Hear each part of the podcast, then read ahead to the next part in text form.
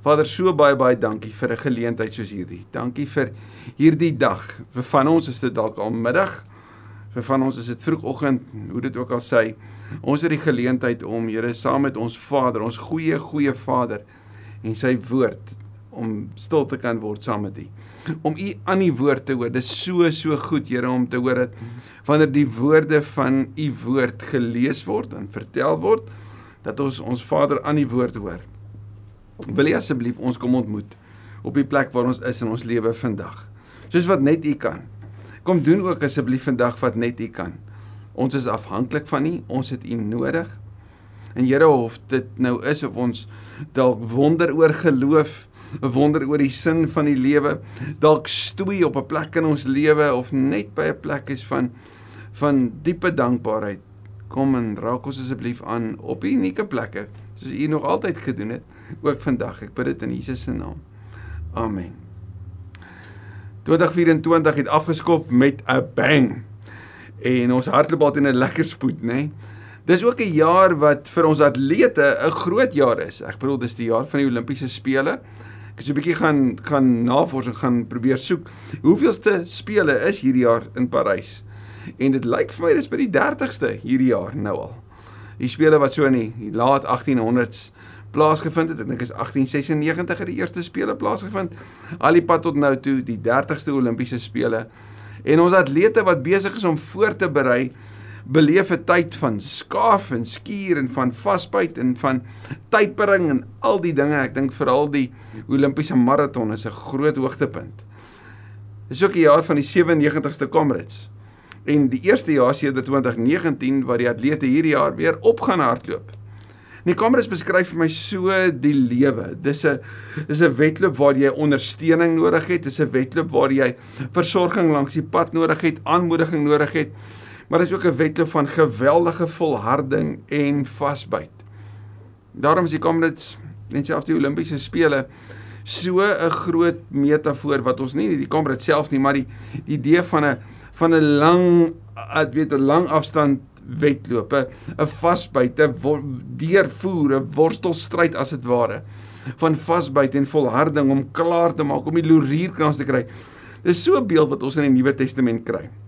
En veral in die Hebreërboek In die teksgedeelte wat ons vandag gaan lees, sluit aan by wat Gerard verlede week vir ons neergesit het, maar dit is die ook die inleiding wat vanaf hoofstuk 10 vanaf vers 32 al die pad tot en met hoofstuk 13 juis fokus op die volharding vir gelowiges. Die motivering vir waarom gelowiges moet vasbyt en klaarmaak. Waarom hulle die Jesus lewe moet leef tot op die einde, waarom hulle soos Jesus moet volg. So waar ook al jy op jou lewenswetloop is, mag vandag se teks jou kom ontmoet. Kom ons lees Hebreërs 10. Ons gaan hom so bietjie vir bietjie saam lees vanaf vers 32. Dink terug aan die vroeë dae, dis in die 83 vertaling hierdie. Dink terug aan die vroeë dae toe God julle tot die lig gebring het. Hoe julle in die stryd staande gebly het toe julle baie moes ly. Die eerste ding wat wat die Hebreërs skrywer doen is om terug te kyk. Dink terug aan hoe jy tot hier gekom het. Dink terug aan toe jy begin het net tot geloof gekom het, was julle eerste belewennisse nie dat dit gemaklik en lekker en strooisuiker geloof was as dit ware nie. Einde verlede jaar het ek die hartseer voorreg gehad om saam met 'n gesin, eintlik saam met 'n familie te sit by die skokkende nuus van 'n van 'n pa wat wat oorlede is op 'n vrede manier oorlede is. En en ek onthou die belewenis wat ek gehad het toe ek na die jong mense gedraai het en die tieners gedraai het en hulle gesê het ek is hartseer, so hartseer saam met julle. Maar aan die ander kant is ek ook so dankbaar dat julle op hierdie oomblik kan ontdek hoe diep waardevol geloof is in te midde van julle lyding ook nou dat julle nou iets van die Here in die diepte van julle seer van sy nabyheid van sy hier wees sal beleef en dat dit jou jy sal dra en sal vorm op die pad vorentoe. Want sien as ons vir mense gaan vertel van 'n strooisuiker geloof, nê, nee, dan klink die evangelie soos a pie in the sky when you die. Dan klink die evangelie goedkoop. Dit klink maklik, dit klink lekker. Ek wil Jesus het nie gesê neem jou BMW op en volg my nie. Vergewe my die mense wat BMW's ry. Hy het gesê neem jou kruis op. Neem die publieke vorm van teregstelling op wat vir almal sê ek is op pad om te sterf en volg my. Die Hebreërs skrywer sê dink terug aan toe jy begin het en en en en vanuit wat jy tot tot hier toe gebring het, wil hy vir juis hier kom sê maar moet daarom juis nie nou opgee nie. Daar word vertel dat in in 'n 'n weet in 'n wedloop soos die Comrades is die twee geleenthede waar jy wil opgee is net nadat jy begin het en net voordat jy klaar maak. In daai twee dele vind jy die meeste mense wat tou opgooi. Die Hebreërs skrywer sê dink terug daarna. Dink oor hoe jy staande gebly het want die staande bly herinner jou hoorie maar daar was genade gewees daarin. In narratiewe terapie is mens uh, in die proses waar jy saam met iemand terugkyk in hulle lewe en jy gaan kyk na wat het hulle gehelp om staande te bly? Wat het gemaak dat hulle kon kom tot hier? Want al daai kom wys van die juwele, van die skatte, van die vasbyt wat jy's nou op 'n tyd soos hierdie goed sou wees vir hulle om te onthou, juis vir wat nou op hierdie oomblik vir hulle na 'n geweldige berg of 'n onmoontlikheid lyk kyk vorentoe. Maar om vorentoe te kyk, het jy nodig om te onthou jy tot hier toe kom. Dink hoe jy staande gebly het en hoe jy baie moes ly. Petrus sê dit, Johannes sê dit in die Openbaring in brief vir al, nê? Nee, maar ons sien dit in sy evangelie in Johannes 16. Jesus se woorde self. Ons hoor dit by Jakobus en ons hoor dit by Paulus. Ja, die skrywers van die Nuwe Testament maak dit baie duidelik. As jy Jesus volg, dis die weg van die lewe, maar dan is lydinge gegee vers 33 deels is julle beledig en en en is julle beledigings en vervolgings openlik tot bespotting gemaak en deels het julle gelei omdat julle julle vereenselwig het met ander wat hierdie dinge oorgekom het. So julle is deur beledigings en vervolging openlik tot bespotting gemaak want julle het julle geloof in die openbaar geleef. Maar ek bedoel die Hebreërs skrywer as as hy in gesprek sou wees met Paulus, want niemand weet wie die Hebreërs geskryf nie.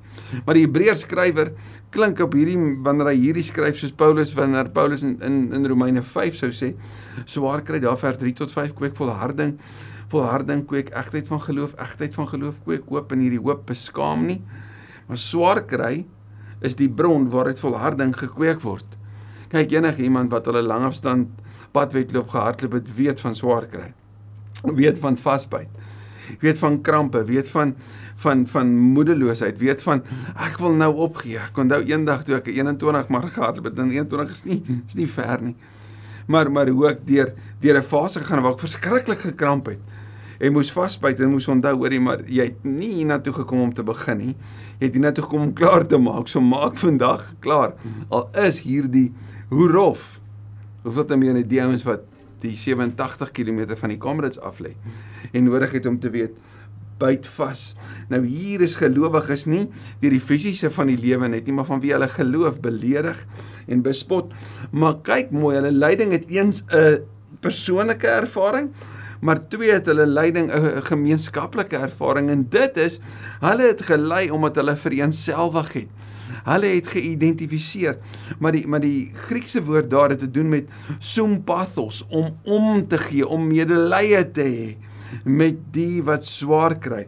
Omdat julle julleself openlik vereenselwig het met ander wat hierdie oorgekom het. Hoor vers 34 julle het met die gevangenes daar's daai woord sympathos meegevoel gehad en toe op julle besittings beslag gelê is het julle dit met blymoedigheid aanvaar later sal Johannes skryf vir die gemeente in Sardes, want dis die woorde van Jesus aan hulle wat Johannes neerskryf.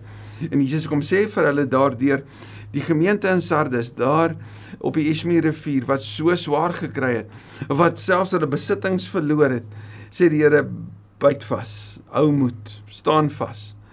Twee van die sewe gemeentes daar in Openbaring 2 en 3 word aangemoedig om net vas te byt en aan te hou om te doen wat hulle doen gemeentes, gelowiges wat alles verloor het van wie hulle geloof.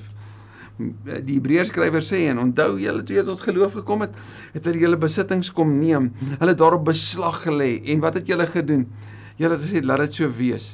Hoekom? Want hulle het 'n nabye wederkoms verwagting gehad. Hulle het geleef met die wete dat Jesus enige oomblik kan kom. En met daai perspektief kan jy nie leef. Jy sien, uitsig lei tot insig. As jy jou oë het op die op die ewigheid dan dan leef jy soos wat Jesus gedoen het in in Hebreërs 12 vers 1 tot 3 sê dit. Terwille van die vreugde wat vir hom in die vooruitsig was, het hy die skande van die kruis verduur. Het hy die vervolging verduur, want hy het geweet wat vir hom wag. Terwille van die vreugde daarvoor, is ek bereid om hierdie te sien. Uitsig bring insig en hulle het so geleef. Hulle het geleef met hierdie wete dat daar 'n ewige tuiste vir hulle is. Kyk net maar julle met blymoedigheid aanvaar omdat julle geweet het dat julle 'n besitting het wat beter en blywend is. Want julle ewigheid is verseël. Sal ons later ook in die Nuwe Testament sien in Christus. Dis vas en dis seker. Vers 35: Julle geloofsvertroue moet julle dus nie prysgee nie. Hierdie woord geloofsvertroue wil ek vandag by jou los. Ek wil dit in jou hart kom bære. Parousia. Kan jy dit sê? Parousia. Parousia beteken om letterlik is die is die vertaling daarvan boldness, confidence, courage om te midde van weerstand met waagmoed vas te byt. Dis parousia. Julle parousia sê die Hebreërs skrywer moet julle nie prys gee nie. Hierdie selfde parousia het in hoofstuk 10 vroeër ook gebruik. Julle het hierdie geloofsvertroue waarmee julle na die genade troon van God toe kan gaan. Hoofstuk 4 vers 16 sê dit juis: Laat ons met volle sekerheid, volle geloofsvertroue na God toe gaan sodat ons daar genade op genade kan ontvang. Dis wat ons nodig het wanneer ons in die gesig van weerstand wanneer ons weerstand aan die oë staar, wanneer ons die moeilikheid in die oë staar, wanneer ons die onmoontlikheid in die oë staar, het ons paresia nodig. Hierdie volle geloofsvertrou moet dit nie prys gee nie, hoor mooi, want juist dit hou groot beloning in. 2 Timoteus 4 sal Paulus sê, ek het die wedloop voltooi, ek het die eindpunt bereik. Paresia. En nou wag daar vir my hierdie loerhierkrans, hierdie beloning. In Filippense 3 sê hy ek streef daarna om alles myne te maak omdat Christus my reeds syne gemaak het. Dis die die beloning, die eindpunt. Volharding sê die Hebreërs skrywer is wat jy nodig het om die wil van God te doen en te ontvang wat hy beloof het. Hierdie woord volharding is die Griekse woord hypomone en hypomone kan vertaal word met the capacity to continue to bear up under difficult circumstances. So jy het boldness, jy het hierdie paresia en jy het hypomone om in die midde van van teenstand, van weerstand, van moeilike omstandighede vas te byt. Want dis wat die Here vir jou en my gee. Ons het waagmoed, nê, nee, geloofsvertroue en ons het volharding en met dit gaan ons hierdie jaar in die oos daar. Vir dit kan ek wat ook al vir my voorlê in die oos daar. Want dit kom van 'n gawe wat God vir my gegee het want ek is nie alleen nie. Verlede week het ons dit gehoor. Ek is in 'n geloofsfamilie. Ons moet mekaar aanmoedig om te gaan na die samekoms van die gemeente, van die gelowiges toe. Volharding is wat jy nodig het om die wil van God te doen en te ontvang wat hy beloof het. Vers 37 en en nou haal die skrywer Habakuk 2 aan en en ek het nie nou tyd om vir jou Habakuk of Maleagi se se se verstaan van vas by te midde van wanneer ander dit nie verstaan nie en wanneer ander as dit ware hulle rug op God draai om dit te vertel nie maar maar gaan lees dit gerus. In Hebreërs skrywer haal aan Habakuk 2 vers 3 en 4 nog net 'n kort kort tydjie. En hy wat kom sal kom en nie talm nie en wie deur my vrygespreek word omdat hy glo, sal lewe. Maar as hy terugduins, het ek aan hom niks meer nie. Die terugduins is die die idee van tou opgooi, nie klaar maak nie. sien ek kan inskryf vir die kamerads. Ek kan opdag. Ek kan die oggend daar wees wanneer daai daai daai musiek speel van Chariots of Fire en da da da da. da. Die skoot klap en ek kan wegspring. Ek kan selfs heel voor hardloop binne TV-atleet wees vir almal om te sien. En as die son opkom dalk nog voor wees. En dan 20 km verder, 30 km verder, wat van 78, 79, 80 km verder. As ek daar stop, het ek nie klaar gemaak nie. Tou opgooi is nie 'n opsie nie. Ek moet dit alles myne maak omdat Christus my reeds syne gemaak het. Paulus sal sê in Filippense 1 vers 21 om te lewe is my Christus om te sterwe is 'n wins. Dis al wat ek wil wees, is om by Jesus te wees. Maar as ek opgee, as ek opgee, het hy my niks meer nie. Die Griekse vertaling van vers 38 sal sê my righteous one shall live by faith. My geregverdigde wat in die regte verhouding met my staan, gaan uit geloof leef. Vers 39 maar en ons is nie van die wat terugduins nie sal die Hebreërs skrywer skryf en verlore gaan nie. Nee ons glo en ons sal lewe. Ons is nie van die wat tou opgooi nie. Ons is die wat klaar maak. So kom ons maak dit prakties. Wat sal die redes wees vandag waarom mense sou tou opgooi? Waarom mense as dit ware wil sê ek wil nie in hierdie wedloop van geloof klaar maak nie. Hier's 'n paar redes. Isolasie Hebreërs 10 vers 25 en 26 sê ons moenie van die samekomste van die gelowiges af wegbly soos party se gewoonte is nie. Een van die eerste maniere, een van die amper versekerde maniere van hoe jy gaan stoei in die geloof, as jy probeer om hier op jou eie te doen. Sonder 'n gemeenskap van gelowiges gaan jy swaar kry. Isolasie sal verseker maak dat jy wil opgee.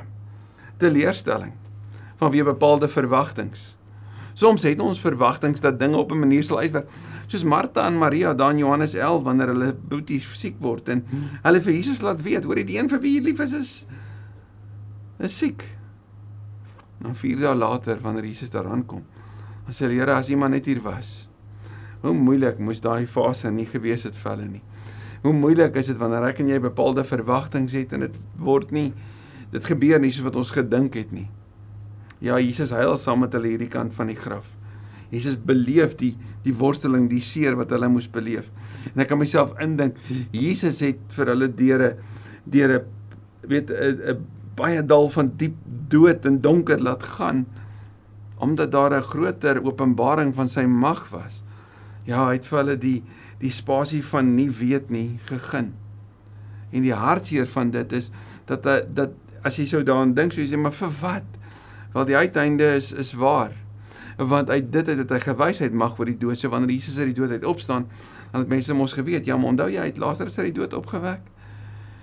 Maar aan die ander kant, hy huil die kant van die graf, want hoe seer moes hulle nie gehad het nie. Hoe moeilik was hulle worsteling nie gewees nie. Uitgestelde antwoorde. Dis nog 'n rede hoekom mense tou opgooi. Stiltes. Daai nie verstaan nie.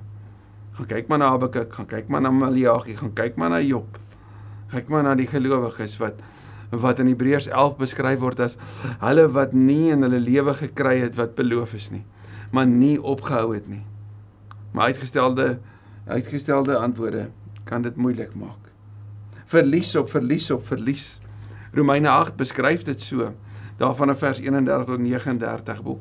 Lyding, vervolging, benoudheid, gevaar of swaard. Daai's verskriklike dinge. In daai selfde gedeelte sê dit dat wanneer ek en jy nie woorde het nie, dan pleit die Gees vir ons. En in einste Romeine 8 vers 31 tot 39 as die Christus pleit vir ons in twee dele in Romeine 8 kom sê dat wanneer ek en jy nie verstaan nie en nie weet nie en wanneer dit te veel raak, onthou die Here se aan die bid. En sy gesprek is oor jou en my. Moedeloosheid. Wanneer jy voel of jy nie vorder nie, soos Paulus sou sê in Romeine 7. Ai, die goeie wat ek wil doen, dit doen ek nie. Die die slegte wat ek nie wil doen nie, dit doen ek. Wie gaan my hiervan red? Ek kry dit nie self reg nie, dan sê hy, God dank, hy doen dit in Christus Jesus. En dan ek dink die een waarvoor ek en jy so die weet die versigtigste moet wees. Korttermyn gemak kan korttermyn bevrediging bring. Langtermyn ongemak kan langtermyn vrug oplewer sien dis die dis die die gemak nou teenoor die ongemak wat gehoorsaamheid vra en wat vir jou en my dit by die tye die moeilikste maak en dis makliker om altyd te kies vir die gemak. Dis makliker om tou op te gooi en sê ag ek gaan maar net doen wat ek wil. As om vas te byt, te volhard, die versoeking in die oë te staan en te, dit te weerstaan. Om soos Jakobus 4 te sê nader tot God en verstaan weerstaan die duiwel en hy sal van julle af wegvlug om te weerstaan, om nee te sê maar die gehoorsaamheid en getrou wees lewer altyd vrug op en getuienis op. En jy wat die beste van alles? Almal wat die comrades klaar gemaak het, aan hulle behoort die bragging rights. Almal wat vasgebyt het in midde van lyding en vervolging, hulle het die ruimte om te getuig daaroor. As jy opgegee het, het jy nie. Hebreërs skrywer sal sê, daar's ook redes wat gemaak het ek en jy volhard en ek sal dit in kort vir jou noem. As ons onthou oor wie dit gaan.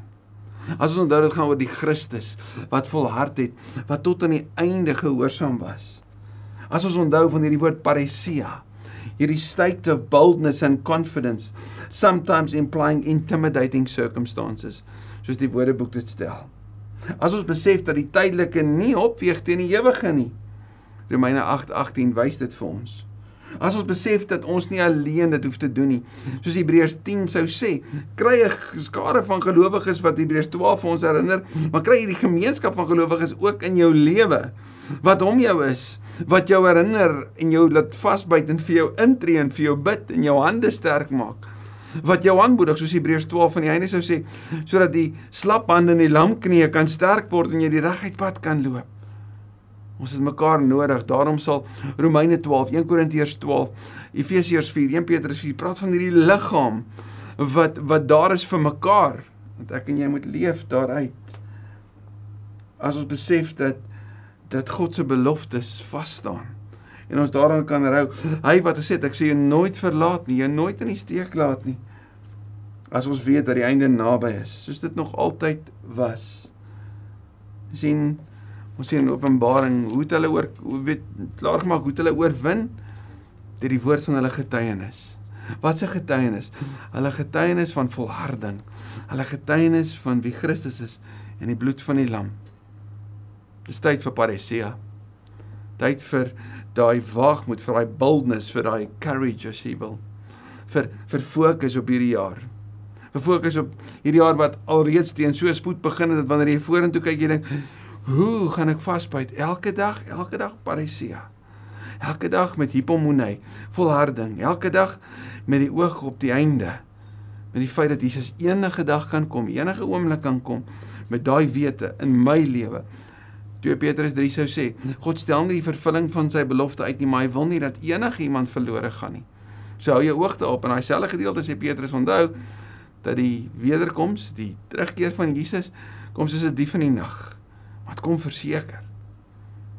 John Piper skryf the key to endurance and the cause of self-sacrificing love is not heroic willpower but deep unshakable confidence that the joy we have tasted in fellowship with Christ will not disappoint us in death. Ek kan vasbyt omdat ek nou reeds iets beleef van die mooi en die heerlik in die in die intimiteit met die Here.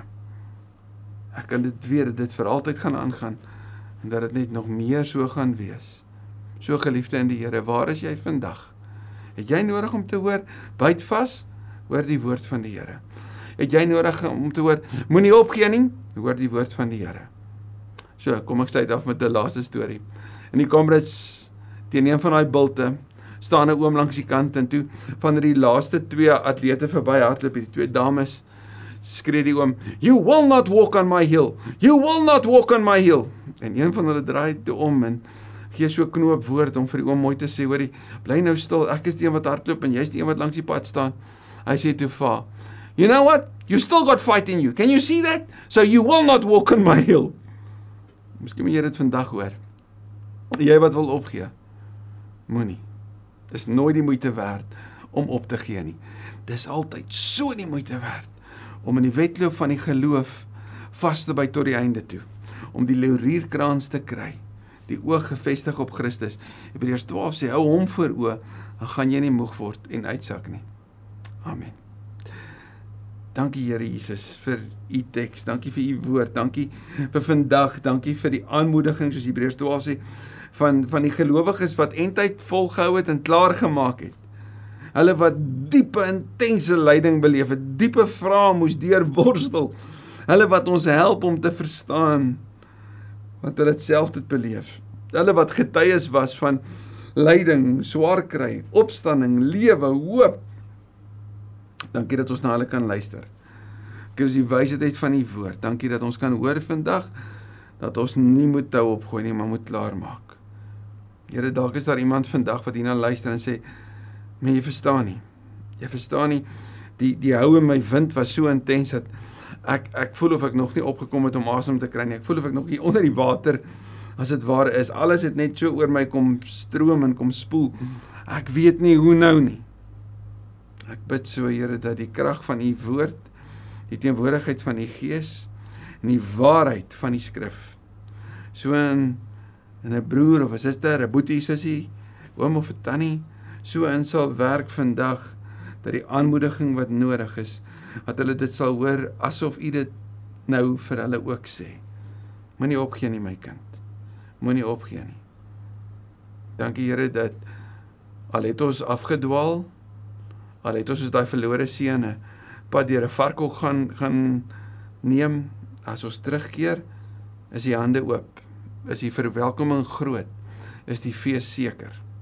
Asseblief Here, help ons om te onthou ons het parousia. Ons het volledige waagmoed om na U toe te kom met volle geloofsvertroue sodat ons genade op genade kan ontvang. Ek bid dit in Jesus se naam. Amen.